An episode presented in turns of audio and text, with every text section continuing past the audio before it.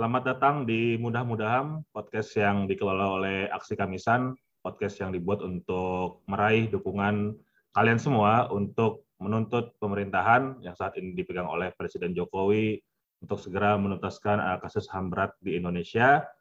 Ya mungkin kalau teman-teman sadar, bagi yang sering dengerin uh, episode-episode mudah-mudahan sebelumnya, jarak antara episode terakhir yakni yang ngomongin soal gugatan tata usaha negara terhadap Jaksa Agung ST Burhanuddin bersama Saleh Al Ghifari dari LBH Jakarta. Waktu itu udah lama banget, udah Mei 2020 dan uh, ya karena satu dan lain hal lah karena ya kayaknya kita susah nyaingin uh, podcast-podcast yang dikelola oleh perusahaan media besar dan artis-artis juga udah banyak ikut podcast tapi rasanya tetap uh, ada suara-suara dari teman-teman semua yang suka dengerin, sering DM uh, medsos aksi kamisan dan sebagainya, minta ada episode-episode baru dan semoga di tahun 2022 ini kita bisa lagi rutin uh, ngupload obrolan-obrolan soal hak asasi manusia, sosial politik, dan tentunya hal-hal uh, yang baik untuk kita semua. Nah, kali ini kita akan mulai lagi episode baru di Mudah-Mudahan dan nanti ke depannya kemungkinan juga akan ada banyak obrolan bersama uh, host-host lain dan uh, sebagainya. Mungkin teman-teman juga nanti kita bisa turut sertakan dalam format-format obrolan seru bersama kita sesama warga untuk uh, ngomongin uh, carut marutnya negara ini, ya, kurang lebih gitulah. Uh, terima kasih bagi teman-teman yang udah coba dengerin, beratensi dan dukung perjuangan uh, para korban penyintas keluarga korban pelanggaran HAM berat Indonesia untuk segera kasusnya dituntaskan dan dipulihkan uh, sebagaimana mestinya. Oke, uh, langsung aja. Uh, saya nggak sendirian di episode kali ini. Uh, belakangan mungkin sekarang uh, kita lagi merekam obrolan di bulan Maret 2022. Ya, selama awal tahun 2022 ini kita disuguhkan isu yang lumayan bikin gimana ya mau uh, kritisi tapi terlalu lucu dan mikir kok bisa gitu uh, ada gagasan-gagasan yang benar-benar uh, bikin uh, kita uh, ya seolah nggak percaya gitu. Karena bisa sampai separah itu punya gagasan uh, yang akhirnya menghina dan uh, semakin menihilkan proses-proses berbangsa dan bernegara yang sebagaimana mestinya yang dulu uh, dicita-citakan para founding parents dan sebagainya.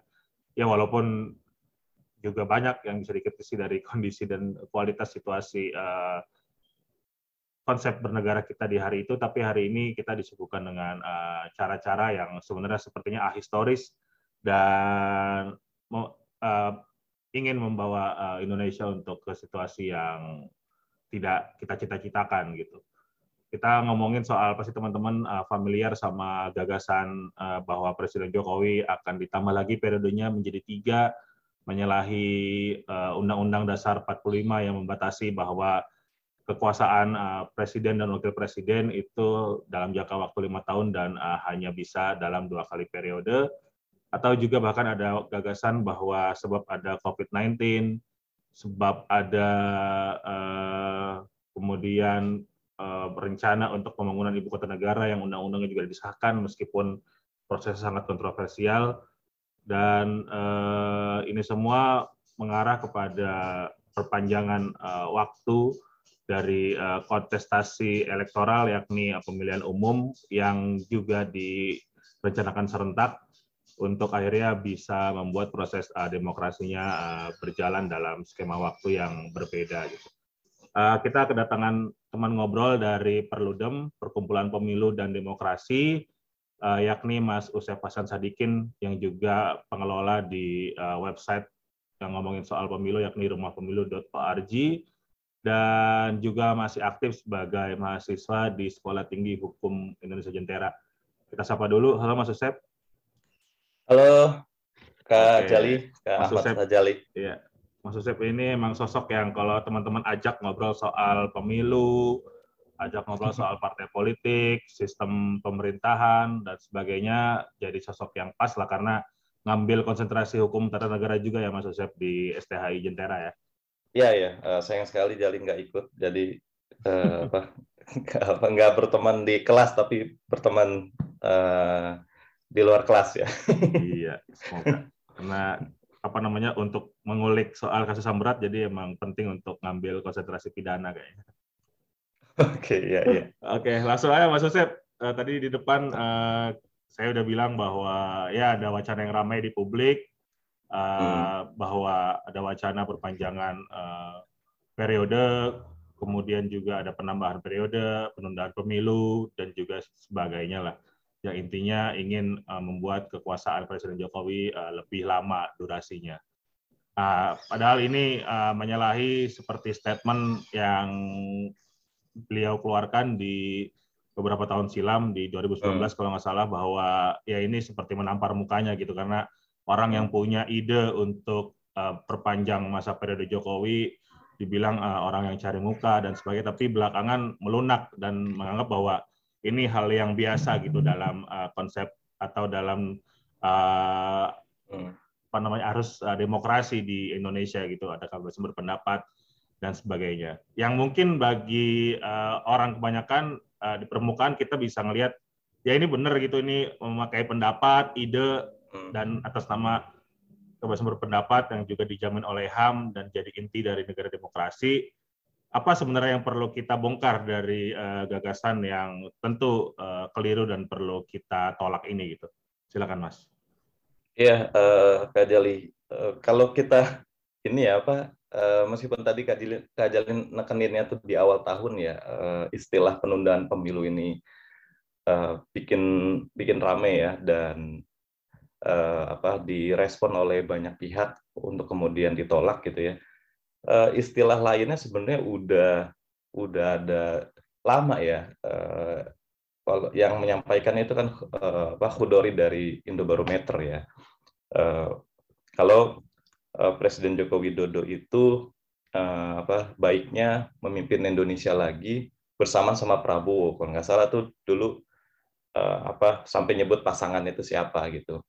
Nah, kan uh, ini menyalahkan undang-undang dasar kita gitu kan. Dan dan saat itu responnya ya uh, nggak terlalu serius direspon karena uh, apa terlihat banget uh, sekonyong-konyongnya ingin mendapat kekuasaan gitu uh, Kudori uh, apa dan teman-teman Indobarometer ini gitu uh, apa jadi uh, kayaknya dari orang-orang yang ingin apa mencapai uh, tiga periode ini seperti ini ya seperti apa coba cari istilah lain yang bisa bisa lebih diterima gitu. Nah, lalu uh, apa muncullah istilah penundaan pemilu gitu di awal 2022 ini gitu ya. Padahal di uh, bulan Januari Eh, DPR, pemerintah sama KPU ya sebagai penyelenggara pemilu itu sudah sepakat eh, pemilu dilaksanakan 2024 dan tanggalnya adalah tanggal pemungutan suaranya adalah 14 Februari itu 2024 gitu. Ini tanggal yang tanggal yang manis ya karena biasa dikenal ah, hari Valentine gitu. Dan itu kemarin di apa namanya dikuatkan kembali sama tweetnya Puan Maharani ya kalau nggak salah yang akhirnya dia nge-tweet yeah. gitu bilang bahwa DPR dan apa KPU sudah yeah. sepakat tanggal 14 Februari 2024. Tapi apakah masih ada celah gitu untuk akhirnya uh, bisa gagasan-gagasan liar dan keliru itu uh, terwujud nih, Mas Josep? Ya, uh, ya apa yang yang yang bikin kita bingung gitu kan uh, satu bulannya gitu ya uh, di bulan Februari ya kalau nggak salah dari 22 Januari ke 22 atau 23 Februari gitu pimpinan partai politik yang fraksinya ada di DPR padahal bagian dari penyepakatan gitu ya tanggal 14 Februari 2024 sebagai hari pemungutan suara gitu ya malah menyampaikan penundaan pemilu 1 sampai 2 tahun gitu.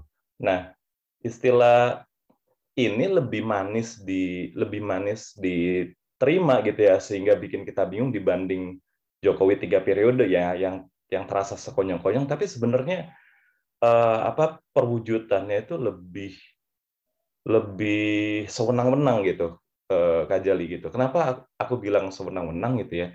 Kalau kalau pernyataannya Jokowi tiga periode, itu kan berarti Jokowi harus ikut pemilu lagi gitu ya. Kan melanggarnya, melanggar sewenang-wenangnya kan sewenang-wenang tiga periodenya itu gitu ya. Tapi sewenang-wenangnya istilah penundaan pemilu itu, eh, berarti Joko Widodo ini sebagai presiden otomatis gitu eh, memimpin Indonesia eh, sebagai kepala pemerintahan sekaligus kepala negara gitu ya eh, satu sampai dua tahun gitu atau dua tahun di setelah 2024 gitu ya jadi sampai 2026 gitu kan. Nah kalau Jokowi tiga periode kan pemilu lagi dan itu kan bisa dievaluasi Jokowi bisa nggak terpilih lagi gitu kan bisa nggak terpilih gitu Nah ini kalau misalnya penundaan pemilu eh, apa lebih sewenang-wenang karena otomatis dia eh, dia memimpin gitu. Uh, itu ya. Uh, apa? Nah kenapa kami khawatir gitu ya sehingga kemudian bikin uh, petisi online dan berkoalisi ya uh, di teman-teman NGO Pemilu dan Demokrasi. Karena kalau misalnya uh, ya tadi ya meskipun Kak Jali udah singgung uh, Puan Puan Maharani selaku Ketua DPR eh, yang uh, memimpin kesepakatan tanggal 14 Februari sebagai hari pemungutan suara di pemilu 2024 gitu ya. Apa kalau kita lihat peta koalisinya gitu ya di pemerintahan Joko Widodo ini kan koalisinya amat besar gitu ya. Apa lebih dari 50 persen gitu bahkan apa mendekat mendekati 100% gitu ya. Hanya hanya apa? sama hanya Partai Keadilan Sejahtera dan Partai Demokrat ya yang uh, relatif tidak tegas jadi bagian koalisi gitu. Pun kalau kita uh, bilang mereka oposisi yang kuat juga uh, apa banyak banyak banyak momen-momen mereka nggak terlalu menyuarakan begitu. Nah, sehingga kalau kita merujuk pada Undang-Undang Dasar kan uh, sepertiga ya, sepertiga itu sepertiga anggota MPR ya. Berarti di sini DPR dan DPD begitu. Itu bisa mengusulkan uh, perubahan Undang-Undang Dasar, amandemen konstitusi gitu kan. Sepertiga. Nah, itu kan udah kalau memang sih masih kurang kalau kalau hitung-hitungannya cuman Golkar uh, karena Erlangga Hartarto udah bilang penundaan pemilu ya, terus uh, Muhaimin sebagai PKB gitu ya, Erlangga di Golkar lalu PAN gitu ya Pak uh, Zul gitu ya di di PAN gitu ya. Kalau tiga partai ini sih memang memang belum sampai sepertiga anggota MPR karena kan melibatkan DPD juga gitu ya. Nah, tapi uh, apa kalau kita rujukannya adalah koalisi besar dan uh, dan bisa jadi uh, PDIP sebagai uh, fraksi paling punya banyak kursi di di di DPR dan partai pendukung utamanya Presiden Joko Widodo gitu ya eh, ini aja udah oh, dengan PDP gabung aja udah sepertiga gitu sepertiganya MPR gitu. Nah terus kalau misalnya pengesahan itu kan syaratnya eh, tiga perempat anggota MPR gitu ya itu juga sangat sangat mungkin gitu eh, dengan peta koalisi yang besar ini gitu. Jadi eh, apa eh, aku jadi keinget ini apa eh, Kajali eh, kita dulu yang menolak habis-habisan ya bisa dibilang gitu di proses legislasi Undang-Undang Cipta Kerja dan penundaan Pilkada 2020 gitu. Saat itu kan semua pihak uh, di luar kekuasaan ya, uh, akademisi, uh, aktivis, kemudian dan akademisi dan aktivis ini kan lintas bidang gitu, uh, apa menghitung-hitung dan mengkaji gitu ya kalau yang namanya Cipta Kerja sama sama penundaan pilkada itu uh, apa sama pelaksanaan pilkada di 2020 di tengah COVID itu uh, adalah kebijakan yang salah begitu kan. Nah, mahasiswa udah demonstrasi berjilid-jilid gitu ya, uh, apa itu tetap tetap berlangsung loh pilkada 2020 dan undang-undang cipta kerja gitu sengawur-ngawurnya itu ya dan so dan dan dan kebijakan ngawur ini berhadapan sama uh, apa masyarakat sipil lintas lintas sektor lintas lintas isu ya uh, itu berhasil gitu. Uh, pilkada 2020 di, di tetap diselenggarakan dan cipta kerja tetap disahkan gitu. Nah di di di penundaan pemilu 2024 ini ada bagian dari uh, masyarakat yang uh, di luar kekuasaan yang setuju sama penundaan uh, pemilu gitu. Uh, inisialnya depannya N, belakangnya N, uh, belakangnya U gitu ya. Uh, apa ormas besar ini? Cuma dua huruf ya. Iya. N sama U ya? Iya belakangnya U. Ini apa ormas besar ini uh, setuju gitu uh, apa tentang penundaan pemilu 2024 gitu kan. Nah ini kan bikin khawatir kemarin ada yang cipta kerja. Semua pihak udah nggak setuju tetap terjadi. Uh, apa pilkada 2020 juga malah tetap terjadi gitu nah ini penundaan pemilu 2024 uh, kawat, makin khawatir karena se uh, merujuk ke pihak koalisi dan dan orang-orang di DPR itu makin makin banyak yang uh, berkeinginan menunda pemilu 2024 gitu ya. Terus juga bagian masyarakatnya uh, ada yang setuju sama penundaan pemilu gitu. Itu sih Kak. Ini di iya, luar di luar tidak ya di luar pemahaman kalau ini melanggar konstitusi eh, apa eh, dan atas nama ekonomi atas nama COVID pun ya, atas nama COVID pun juga udah nggak bisa diterima karena hmm, dulu hmm, 2020 COVID, jalan tetap ya. Iya, pilkada 2020 itu kan COVID lagi paling tingginya gitu. Bahkan saat ini, saat apa? Eh, nah ini ya eh, rapat DPR, pemerintah dan KPU itu menentukan pilkada 2020 itu kapan diselenggarakannya, itu malam di mana pernyataan orang-orang DPR itu bilang COVID sudah terkendali gitu ya. Eh, apa Eh, korban dari COVID juga terus menurun gitu ya. Nah, seiring pernyataan itu eh, eh, penyampaian informasi dari Kementerian Kesehatan serta lembaga-lembaga yang concern memantau COVID gitu ya, itu malah menyampaikan fakta yang bertolak belakang sama pernyataannya DPR. Justru saat itu COVID paling puncak gitu ya di Indonesia gitu. Tapi kemudian pilkada 2020 tetap dilaksanakan. Nah itu argumen yang udah nggak bisa diterima gitu kan. Ketika pemilu 2024 ditunda karena alasan COVID gitu. Oke, jadi udah nggak valid banget ya argumen dari pihak hmm. uh, pendukung adanya penundaan pemilu dan sebagainya terkaitin dengan uh, eh, COVID-19. Mas, kita coba berandai-andai mengkalkulasi tadi uh, Mas Usep udah mencoba membuat variabel-variabel kemungkinan-kemungkinan dari uh, gentingnya situasi dan uh, besar posibilitas dari diusulkannya gagasan mengenai tiga periode atau penundaan pemilu. Tapi uh, di satu sisi kalau kita bisa lihat ya Presiden uh, Joko Widodo kan juga dari partainya sendiri yakni uh, Partai Demokrasi Indonesia Perjuangan atau PDIP juga kerap kali dikucilkan dalam tanda kutip uh, status dan perannya gitu bahkan disering disebut tugas partai oleh Bu Mega dan sebagainya pun juga mungkin uh, kukunya nggak tertancap tajam di partai-partai uh, lain gitu. Karena kalau emang benar begitu, yang ini kan ini uh, hebat banget ya di negara presidensil, terus juga parlemen isinya uh, dikuasai oleh koalisi yang menjadi kabinet di pemerintah.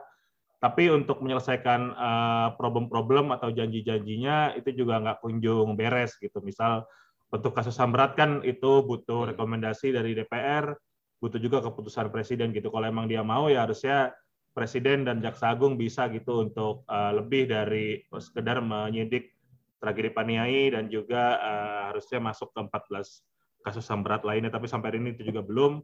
Sehingga uh, rasanya kalau pengaruh politik uh, Presiden Jokowi yang kayaknya sih uh, kita udah bisa bila, uh, ngasih statement kalau emang nggak ada itikat baik untuk mau menyelesaikan kasus HAM berat atau hal-hal progresif lainnya itu uh, nggak segitunya gitu. Sedangkan di sisi lain justru uh, Presiden uh, Jokowi semacam dijadikan alat gitu oleh mereka yang mau secara sewenang-wenang, mereka yang mau curang gitu untuk uh, menambahkan modal, kapital uh, dan menjadi ya orang-orang sering nyebut oligarki dan lain-lain sehingga uh, begitu mulus. Apalagi komposisi DPR isinya lebih dari separuh uh, merupakan pengusaha ya. Mungkin secara uh, normatif hukum nggak ada aturan yang melarang, tapi dalam dinamika uh, sistem politik dan aktivitas politiknya itu bisa jadi sangat bermasalah ya. Uh, gimana mas? Jadi heavy-nya lebih ke ada udang di balik batu yang begitu kental nuansanya dalam proyek-proyek uh, pembangunan ekonomi dan sebagainya. Iya, uh, Kak Jali. Jadi kalau misalnya kita pakai istilah uh, presidensialisme yang kuat gitu ya, uh, atau sosok presiden yang kuat begitu, uh, sebenarnya ada biasanya sih ada perbedaan pemaknaan tuh soal uh, apa yang dimaksud presiden kuat di sini. Di teman-teman hukum biasanya ngerujuk ke kewenangan yang ada di Undang-Undang Dasar dan turunannya Undang-Undang begitu ya. Eh, kalau kalau teman-teman politik itu beda lagi tuh memaknainya presidensialisme yang kuat itu yang gimana gitu. Nah, kalau kita rujukannya adalah kewenangan di dalam Undang-Undang Dasar itu Presiden Indonesia tuh kuat banget gitu. Bahkan kalau uh, apa uh, kita ikut kelasnya Bang Fajri Nur Samsi gitu ya di kelas-kelas mata kuliah konstitusi gitu, uh, beliau punya kajian tuh membandingkan uh, perbanding apa membandingkan negara-negara presidensial berdasarkan kewenangan presidennya begitu. Nah, di, misalnya kalau kita punya pemahaman negara presidensialisme yang bagus dan kuat gitu kan, itu kan Amerika Serikat gitu ya. Nah, gampangnya gitu. Bandingin aja tuh kewenangannya presiden Amerika Serikat sama presidennya Indonesia gitu. Nah, kewenangannya Indonesia lebih kuat dibandingkan presidennya Amerika Serikat. Eh, salah satu yang menggambarkan begitu begitu kuatnya presiden kita gitu ya Indonesia ini kewenangannya adalah membuat uh, produk hukum yang setara undang-undang yang sebenarnya itu ranah kewenangannya kekuasaan legislatif atau DPR gitu ya. Jadi presiden kita itu bisa buat peraturan uh, peraturan uh, presiden apa uh, perpu ya peraturan pemerintah uh, pengganti undang-undang gitu ya yang setara undang-undang gitu. Nah di Amerika Serikat nggak bisa itu apa presiden yang nggak bisa ngeluarin undang-undang. Jadi komitmen kuat terhadap Presiden Joko Widodo yang yang ada di kekuasaan presidensialisme kita gitu ya bukan pernyataan gitu bukan uh, apa statement-statement uh, di konferensi pers atau statement-statement yang dikutip oleh uh, media gitu ya tapi adalah bagaimana dia mengoptimalkan kewenangan yang ada gitu melalui uh, produk kebijakan atau produk hukum gitu nah sayangnya kalau kita sayangnya ini yang kemudian nggak dioptimalkan oleh Presiden Joko Widodo untuk uh, uh, memenuhi janji-janjinya gitu. Dan baik itu janji di tahun 2000, 2014 ya dengan nawacitanya gitu ya, maupun janji uh, dan agenda pemerintahan di 2000 uh, di 2019 ke 2024 gitu. Itu ya. Nah, kalau misalnya presidensialisme yang kuat ini ya ditinjau di aspek politik. Nah ini yang kemudian kita jadi jadi menyayangkan gitu. Ternyata uh, apa ya istilahnya itu fragmentasi partai politik di DPR yang terlalu banyak ya sehingga uh, apa menciptakan sistem kepartaian multipartai ekstrim ya istilahnya itu memang uh, membuat kebijakan keing apa ya uh, keinginan Presiden Joko Widodo gitu ya kalau dia ber, berkeinginan kuat gitu ya itu selalu uh, apa dia apa ya cenderung cenderung tidak berjalan lancar gitu ya karena tiap-tiap partai ini ingin punya bagian dari uh, peran uh, bagian peran atau uh, apa lebih kalau ke ke apa konkret ke aspek ekonominya gitu ya uh, ingin jadi bagian dalam proyek pembangunan saat kebijakan itu disahkan gitu. Nah, uh, yang biasa kita lihat kan uh, soal adanya menteri-menteri ya. Jadi uh, meskipun uh, Presiden Joko Widodo itu uh, apa partai utamanya adalah PDIP, ya bagian dari dia untuk uh, apa melancarkan kebijakannya itu di DPR ya adalah mempunyai menteri-menteri dari partai-partai lain gitu kan. Nah, konsekuensinya ya setiap kebijakan harus apa harus melibatkan partai-partai lain dan punya konsekuensi dari anggaran yang digelontorkan oleh pemerintah yang disahkan juga oleh DPR begitu. Jadi lemah secara politik uh, tapi tidak lemah secara hukum atau kewenangan gitu ya. Nah, sehingga kita bisa harusnya bisa juga menagih menagih uh, komitmennya Presiden Joko Widodo lalu kewenangannya udah ada gitu kan kenapa nggak dioptimalkan gitu nah sehingga kita bisa simpulkan sih Presiden Joko Widodo tidak berkomitmen terhadap uh, apa terhadap uh, janji janji pemerintahannya gitu ya dengan kewenangan yang ada. Gitu. Tidak dibuktikan dengan dengan uh, meng mengoptimalkan kewenangannya begitu, Pak Jali. Iya, padahal punya modal dukungan yang begitu kuat iya. di 2000. Ini lebih ya, lebih kuat dibanding presiden pertama yang dipilih langsung ya, Susilo Bambang Yudhoyono, uh, baik di periode pertama maupun di periode kedua gitu. Sekarang jauh lebih kuat uh, dukungan koalisinya gitu. Oke, sip, uh, Mas Hussein. uh, kita bahas ke satu sisi lagi, yakni klaim-klaim uh, ini kan semakin diperkuat kemarin karena ada semacam hasil uh, surveinya Kompas gitu yang dijadikan uh, dasar, yakni sekitar 70 persen uh, orang yang disurvei bilang puas gitu sama kepemimpinan dari uh, Presiden uh, Joko Widodo dengan segala permasalahan. Padahal itu survei dilakukan mungkin di saat uh, harga kedelai lagi tinggi sehingga peredaran tahu tempe jadi sulit. Begitu juga dengan uh, minyak goreng dan juga kebijakan-kebijakan penyusunan undang-undang yang begitu serampangan seperti uh, IKN, kemudian juga Omnibus Law Cipta Kerja juga harus direvisi dan lain-lain. Begitu juga dengan belum dituntaskannya satupun dari uh, belasan kasus berat yang jadi tanggung jawab beliau sebagaimana yang dijanjikan di Nawacita yang itu bahkan satu persatu disebut di uh, janji tersebut. Tapi yang dimasukin ke penyidikan yakni kasus yang terjadi uh, justru uh, yang tidak disebutkan meskipun terjadi di era setelah janji itu dibuat gitu yakni tragedi Paniai di uh, Desember 2014. Uh, ya let's say uh, mungkin uh, itu nggak jadi satu hal yang ideal gitu bagi publik karena uh, ternyata walaupun puas tapi ya emang segitu aja gitu uh, takaran uh, seorang presiden uh, Joko Widodo gitu. Uh, ya pun kita nggak akan pernah punya juga malaikat yang akan jadi presiden ya Mas Yosef tapi apa yang salah sebetulnya kalau pada akhirnya mungkin one day entah 2045 gitu karena semangat 100 tahun Indonesia kita punya presiden yang benar-benar berani dan cenderung hal-hal uh, progresif ditegakkan gitu sebagaimana idealnya isi Undang-Undang Dasar 45, apakah emang dalam eh, pagar-pagar uh, demokrasi itu uh, kekuasaan memang harus dibatasi berdasarkan uh, durasi waktu dan lain sebagainya, Mas Yosef. Emang nggak bisa kita punya misalkan orang baik itu sampai beliau uh, meninggal baru uh, jabatannya diakhiri gitu. Iya, kali ini apa pertanyaannya filosofis uh, ya ya, dan dan juga perlu apa dirinci apa uh, lapis demi lapisnya gitu ya. Misalnya gini, uh, apa uh, apa ya apa beberapa kali tuh uh, elit kekuasaan tuh dalam penyampaian penundaan pemilu 2024 tuh membandingkan presiden-presiden di negara-negara dengan demokrasi yang baik gitu. Uh, misalnya Jerman gitu ya. Nah kita lihat Jerman itu yang namanya Angela Merkel itu kan memimpin Jerman uh, puluhan tahun bahkan kalau nggak salah 30 tahun gitu. Nah, tapi mereka atau banyak dari kita uh, apa nggak membandingkannya berdasarkan konteks uh, tata tata negaraan Jerman dan Indonesia gitu kan.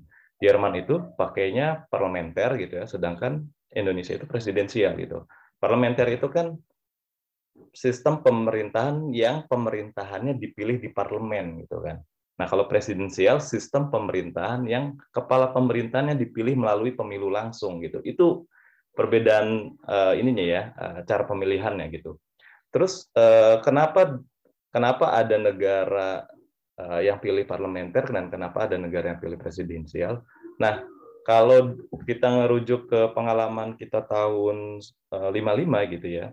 Uh, karakter kita yang lebih mirip parlementer itu saat saat dievaluasi itu punya punya keadaan di mana kepala pemerintahan yang dipimpin perdana menteri gitu ya itu bisa cepat berganti-ganti gitu sehingga pemerintahan jadi jadi susah dipastikan untuk bekerja gitu. Karena intervensi politik eh, yang ada di dalam DPR itu terlalu kuat sehingga eh, apa pemerintahan yang dipimpin oleh perdana menteri itu bisa berganti-ganti gitu. Kapan pun kalau forum DPR-nya itu mau gitu. Nah, sehingga sehingga uh, sistem pemerintahan presidensial dipilih itu untuk memastikan masa jabatan kepala pemerintahan yang dipimpin oleh uh, presiden melalui pemilihan langsung gitu. Jadi sudah ditetapkan tuh di dalam Undang-Undang Dasar hasil amandemennya bahwa presiden uh, yang dipilih langsung itu menjabat selama lima tahun dan maksimal uh, bisa dipilih kembali selama dua, dua, dua kali gitu. Nah itu satu ya ada pengalaman kita di di sistem pemerintahan parlementer yang uh, cepat berganti gitu pemerintahannya sehingga jadi susah bekerja gitu. Itu pengalaman nggak enak pertama gitu ya. Pengalaman nggak enak kedua adalah saat dipilih uh, apa dipimpin oleh Presiden Soeharto di era Orde Baru gitu. Meskipun nggak ada apa ya pernyataan tegas uh, bahwa saat saat pemerintahan Orde Baru itu adalah sistem parlementer gitu ya. Tapi dengan cara pemilihannya yang dipilih oleh DPR, Presiden Soeharto itu sebenarnya mirip apa berlaku sistem sebagaimana pemerintahan di parlementer yang dipimpin oleh perdana menteri karena kepala pemerintahannya dipilih oleh DPR begitu. Nah di eranya Orde Baru pemerintahannya nggak berganti-ganti tapi uh, lama banget gitu uh, bahkan sampai uh, lebih dari 30 tahun gitu ya uh, pres uh, Presiden Soeharto itu memimpin gitu ya. Nah pengalaman nggak uh, enak atau nggak bagus di 55 sama sama Orde Baru ini itu bikin eh, apa para tata negara kita dan juga aktivis demokrasi pasca reformasi itu merumuskan pasal-pasal kekuasaan di dalam Undang-Undang Dasar eh, untuk memilih sistem presidensial sebagai eh, sistem eh, pemerintahan Indonesia pasca reformasi gitu yang yang berlaku sekarang gitu itu biar eh, dua penekanan yang satu eh, jabatannya itu dibatasi gitu ya dan masa jabatannya dibatasi. Eh, momen pembatasannya adalah pemilihan langsung presiden gitu ya. Yang hebatnya lagi Undang-Undang Dasar hasil amandemen pasca reformasi ini eh, dia mengkhususkan tuh eh, bab pemilihan umum di dalam Undang-Undang Dasar kita gitu. Nah ini apa ya harusnya dipegang baik-baik sama sama ini ya. Dan gini ya selain aspek hukum yang konstitusional karena ini ada di Undang-Undang Dasar serta prinsip-prinsip presidensialisme juga ya.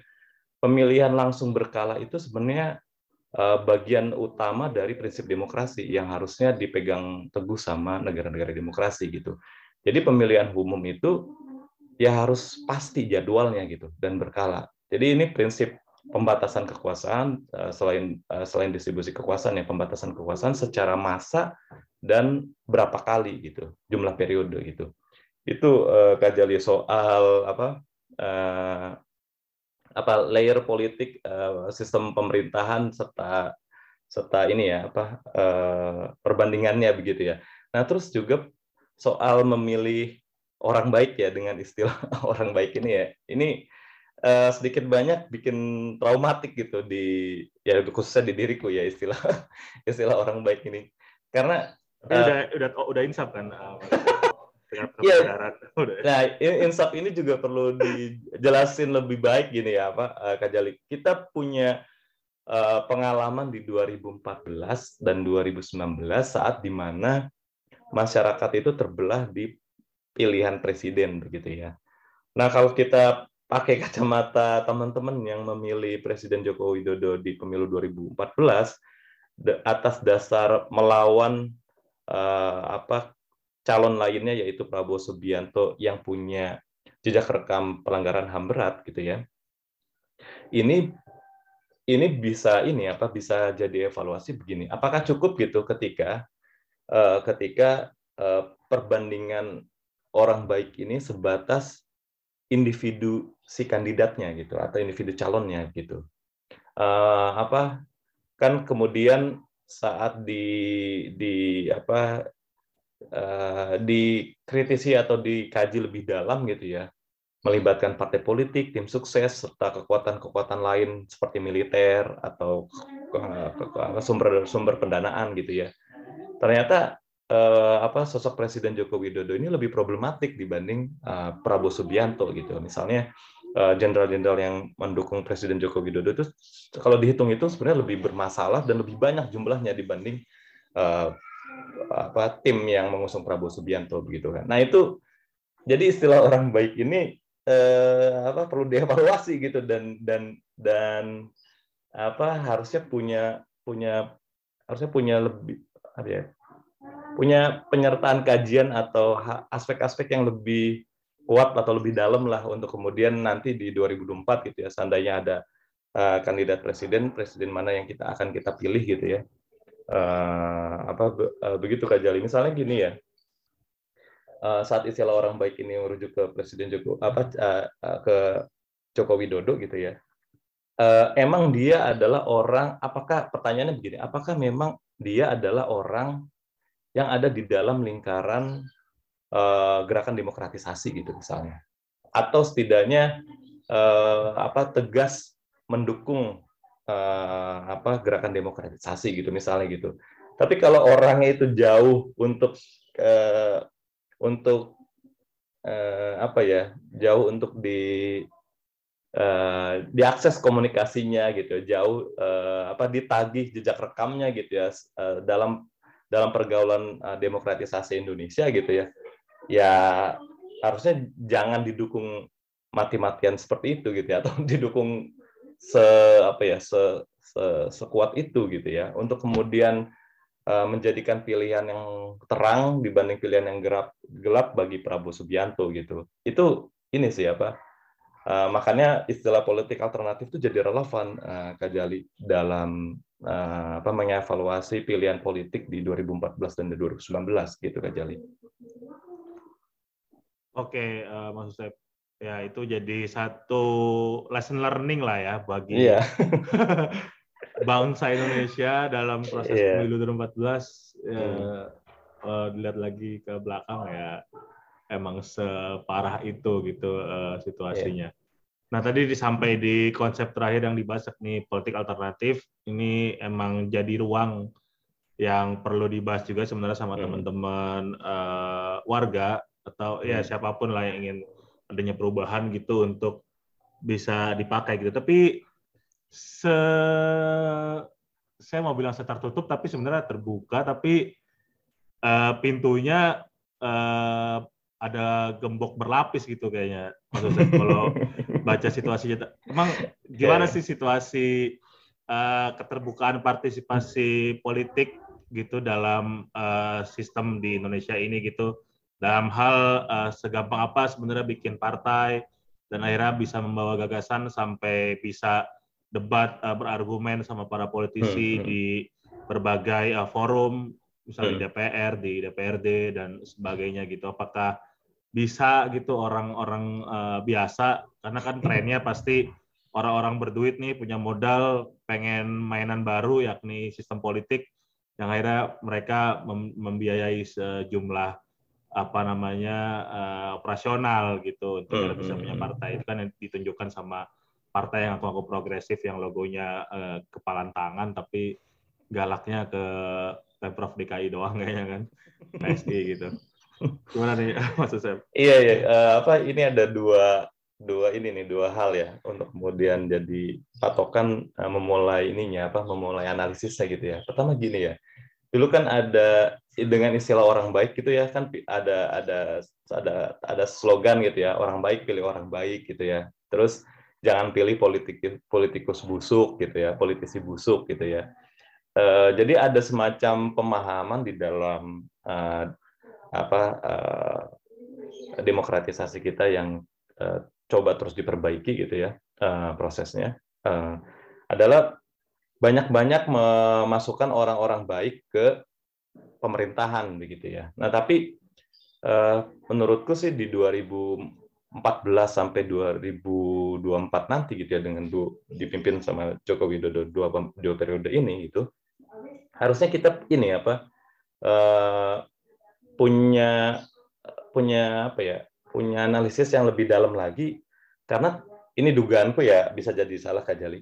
Karena kayaknya gitu ya, orang baik masuk ke pemerintahan itu ternyata lebih lebih lebih menghasilkan kekuasaan yang eh, pintar menggunakan bahasa aktivisme gitu dibanding bahasa-bahasa perubahan gitu Jadi dibanding mengamini mengamini Mahfud MD berarti ya kalau malaikat masuk sistem bisa jadi setan kayaknya. Iya, tapi bukan hanya bukan hanya gitu di di pemerintahan Joko Widodo ini uh, apa Kak Jali. Jadi wujudnya gini, kekuasaan ini tuh uh, bisa meng, bisa pintar menggunakan bahasa-bahasa aktivisme, bahasa-bahasa demokratisasi, bahasa-bahasa uh, yang yang yang yang merujuk pada formalisme hukum gitu ya.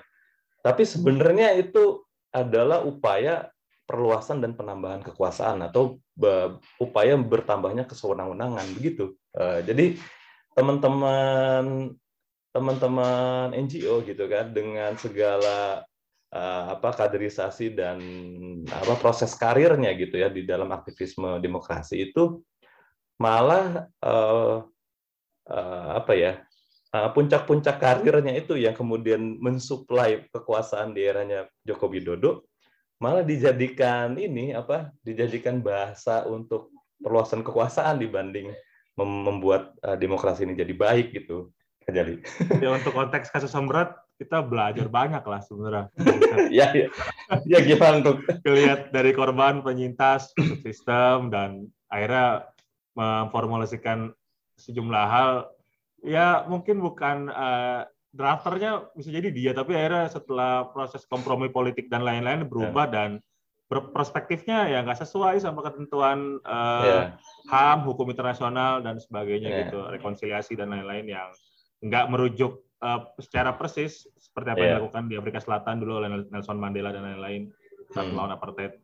Ya situasi-situasi itu yang emang real terjadi begitu juga untuk konteks anti korupsi misalkan ya sempat ya, Teten Mas Duki di KSP kemudian juga di sekarang jadi Menteri Koperasi dan UKM gitu-gitu emang yeah. ya, di hijack atau gimana nih istilah yang tepat deh kayaknya Iya, ah, iya aku nggak tahu ya istilah apa ya istilah yang tepat. Cuman ya itu apa? Jadi justru pemerintahan yang banyak diinstal oleh orang-orang dan uh, konseptor aktivisme gitu ya, uh, itu malah lebih kerasanya adalah bahasa-bahasa yang digunakannya itu memang bahasa-bahasa aktivisme, tapi tujuan malah untuk perluasan atau penambahan kekuasaan bahkan kesewenang-wenangan gitu. Uh, ya, ini dugaan ya, nggak ada ininya, nggak ada ukuran ah, valid valid mas. Ini udah ya, nyatakan valid. Udah 8 tahun soalnya mas. Gitu ya. Nah itu itu pertama tuh ya di pengalaman itu ya. Jadi pemerintahan aktivis itu ternyata menggunakan bahasa aktivis buat ngakalin kesewenang-wenangan gitu ya. itu itu pertama. Terus kedua gini, kalau kita ngerujuk ini uh, apa uh, Kajali uh, indeks demokrasi ya.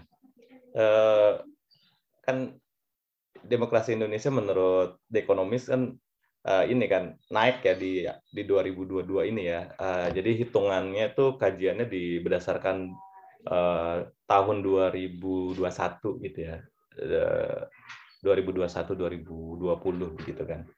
Uh, apa naik gitu ya. Ini tapi bukan bukan bukan gini ya bacaannya bukan tuh kan demokrasinya naik tiga periode dong atau tertunda pemilunya dong gitu kan. Bukan gitu uh, apa uh, bacaannya. Jadi harusnya bacaannya itu dari uh, apa sejak kita itu pasca reformasi atau kalau mau lebih spesifik sejak Presiden Joko Widodo memimpin Indonesia sebagai presiden begitu ya Nah, demokrasi kita kalau ngelihat dari uh, titik penghitungan awal itu sampai sekarang sebenarnya trennya turun gitu ya.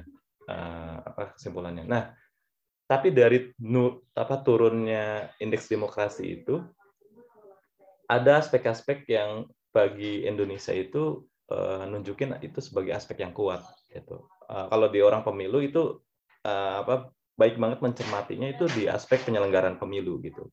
Jadi di tataran penyelenggaraan eh, prosedur ya eh, jaminan hukum kemudian partisipasi memilih begitu ya serta apa peradilan dari penyelesaian sengketa hasil pemilu dari pemilunya ya dari dari dari pesta demokrasi yang sudah diselenggarakan gitu ya. Itu trennya naik gitu ya. Itu pertama di aspek kepemiluan. Yang biasanya jadi apa ya meskipun turun tapi masih bikin Indonesia enggak apa apa masih ada aspek baiknya gitu ya. Itu pertama. Yang kedua itu adalah partisipasi masyarakat sipil, Kak Jali. Nah, eh, pembelajaran kita dari dua periodenya Presiden Joko Widodo ini adalah bagaimana masyarakat sipil ini di setiap setiap momen-momen demonstrasinya yang memuncak gitu ya, itu bisa terhubung gitu dari satu momen ke momen lain dan kemudian dihubungkan ke politik uh, formal gitu ya. Dalam hal ini adalah partai politik, uh, kepemiluan dan lembaga-lembaga uh, perwakilan seperti DPR dan DPRD begitu. Nah sayangnya itu belum diupayakan bagus gitu. Ya di satu sisi gini, uh, Kak Jali, kalau tadi ada istilah gemboknya banyak gitu ya. Di, di, di satu sisi bikin partai politik berbadan hukum itu berat banget gitu ya butuh uang banyak banget dan orang banyak banget gitu ya itu satu terus juga biar partai politik tuh yang berbadan hukum ini ikut pemilu juga butuh uang banyak dan orang banyak banget gitu ya uh, tadi ya 100% provinsi 75% kabupaten kota dan 50% kecamatan kantor dan kepengurusan gitu ya itu kan uh, hanya hanya orang ultra kaya yang bisa bikin partai politik kayak gitu atau uh, disupport orang-orang yang seperti ini gitu ya untuk membentuk partai politik gitu. Nah itu gembok-gemboknya. Tapi ya itu uh, aku mas apa ya ya sama-sama lah saling menguatkan ya. Aku masih diyakinkan bahwa uh, untuk negara yang sebesar ini gitu ya, kalau misalnya ada jalan ekonomi atau jalan politik, aku orang yang berpemahaman reformasi politik, perbaikan politik itu uh, apa lebih mungkin bikin jadi Indonesia alternatif jadi lebih baik gitu dibanding uh, uh, memilih jalan ekonomi gitu ya. Karena nggak ada ceritanya tuh negara yang besar itu jadi benar secara alternatif itu dengan pilihan jalan ekonomi gitu ya. uh, apa malah uh, yang ada itu uh, Singapura kalau jalan jalan ekonomi ya ya negaranya kecil gitu ya. Tapi Ojek kenapa? Karena menuntut apa penerimaan berbagai macam kelompok di di apa secara secara identitas vertikal maupun horizontal begitu ya negara yang besar. Jadi yang paling mungkin ya jalan perbaikan dan politik itu dari momen demonstrasi satu ke demonstrasi yang lain misalnya kalau kita sebut ada uh, apa uh, RKUHP gitu ya terus uh, cipta kerja revisi undang-undang KPK gitu ya demonstrasi-demonstrasi kemudian uh, apa yang semoga nih harapannya sekarang ada penundaan pemilu ini ada ada juga uh, apa uh, pengupayaan kolektif yang bisa menghubungkan gitu ya. Nah sayangnya itu momen-momen uh, ini nggak dihubungkan ke politik-politik formal lewat partai politik gitu maupun uh, apa orang-orang yang ada di DPR maupun DPRD begitu Kajali. Itu sih uh, yang belum bisa dioptimalkan di tengah gemboknya apa ya gembok-gembok yang menghambat demokratisasi kita gitu ya. Kajali. Oke, maksud saya terima kasih banget nih buat obrolannya. Tadi mungkin teman-teman ya agak ada recap dikit gitu kalau dari tadi kita udah ngomongin uh, upaya untuk menangkal argumen-argumen pendukung dari proses wacana penambahan periode presiden atau penambah atau penundaan pemilu dan bahkan mengulas uh, beberapa dari uh, aspek historis dan sebagainya. Terus uh, akhirnya gimana kontekstuali, uh, kontekstualisasi uh, situasi dan uh, kemungkinan ruang-ruang uh, partisipasi, politik kita itu bisa terbuka karena penting memang ada hubungan yang erat gitu antara suara-suara riak-riak uh, keresahan-keresahan kita yang juga akhirnya bisa diwujudkan dengan berbagai cara. Salah satunya demonstrasi terkait uh, mengomentari atau uh, merespons Eh, hal-hal yang eh, terjadi dalam pemerintahan. Itu juga eh, harusnya bisa terhubung gitu sehingga uh, idealnya kan memang ada politisi-politisi, anggota DPR atau orang di pemerintahan yang memang concern juga gitu sehingga uh, nyambung lah suara-suaranya gitu. Jadi nggak uh, perlu lagi ada uh, proses reses yang seringnya memang reses itu ya hanya formalitas belaka gitu, like-nya forum-forum musrembang dan lain-lain yang Uh, bahkan data kehadiran pun bisa dianggap sebagai uh, tata cara untuk menyetujui gitu seperti yang terjadi di proses uh, alih fungsi lahan uh, di Wadas di Purworejo Jawa Tengah dan sebagainya. Uh, ya hal kayak gitu sih itu semoga jadi refleksi mendalam dan bisa uh, disimpulkan uh, dalam waktu uh, dekat dan dalam waktu singkatnya ini ada hal-hal yang bisa kita lakukan tadi sempat dimention oleh Mas Usep bahwa Perludem dan koalisi organisasi-organisasi masyarakat sipil yang concern dalam isu demokrasi dan kepemiluan juga sudah menggagas petisi untuk menolak ya. Bisa dijelaskan Mas Yosep uh, cara kita berpartisipasi untuk uh, mendukung inisiatif ini seperti apa? Uh, ya, uh, kalau kita bandingkan dengan koalisi dulu yang juga besar ya, yang berhasil gitu ya.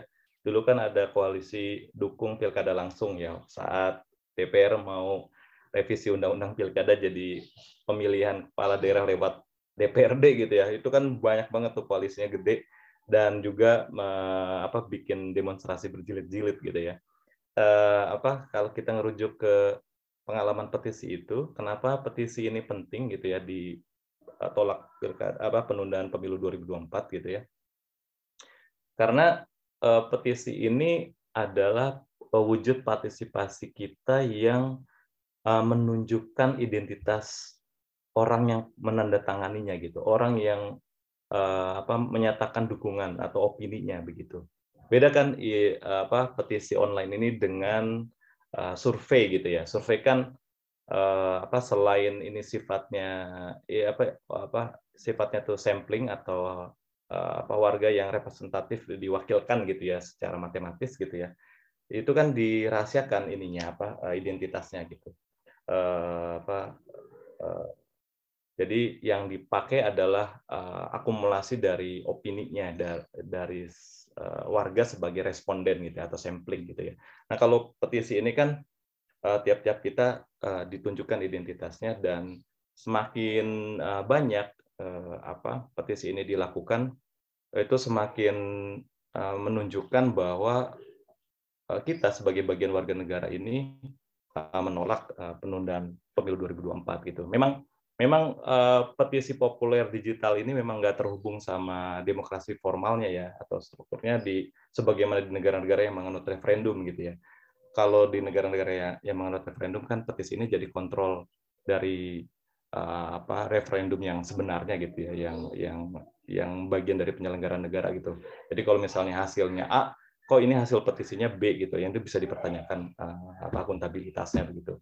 Nah itu jadi Uh, begitu Kak Jali. Nah, ada, biasanya kalau kita merujuk ke tol, apa dukung pilkada langsung dulu, uh, akumulasi dari petisi ini akan disampaikan ke pemangku kepentingan dalam hal ini DPR uh, eh, dan pemerintah gitu untuk kemudian meyakinkan bahwa ini loh uh, apa warga yang benar gitu ya sebenar-benarnya ada identitasnya dibanding klaim datanya Luhut Bin Sarpanjaitan gitu ya yang bilang ada 110 juta ya uh, percakapan atau orang di uh, apa di dunia digital itu mendukung penundaan pilkada 2004 itu kan datanya nggak bisa dipertanggungjawabkan ya tidak tidak akuntabel. Kalau kalau kita melalui petisi ini uh, apa jelas ini uh, datanya uh, ada nyata gitu dan semoga berlipat ganda begitu uh, Kajari.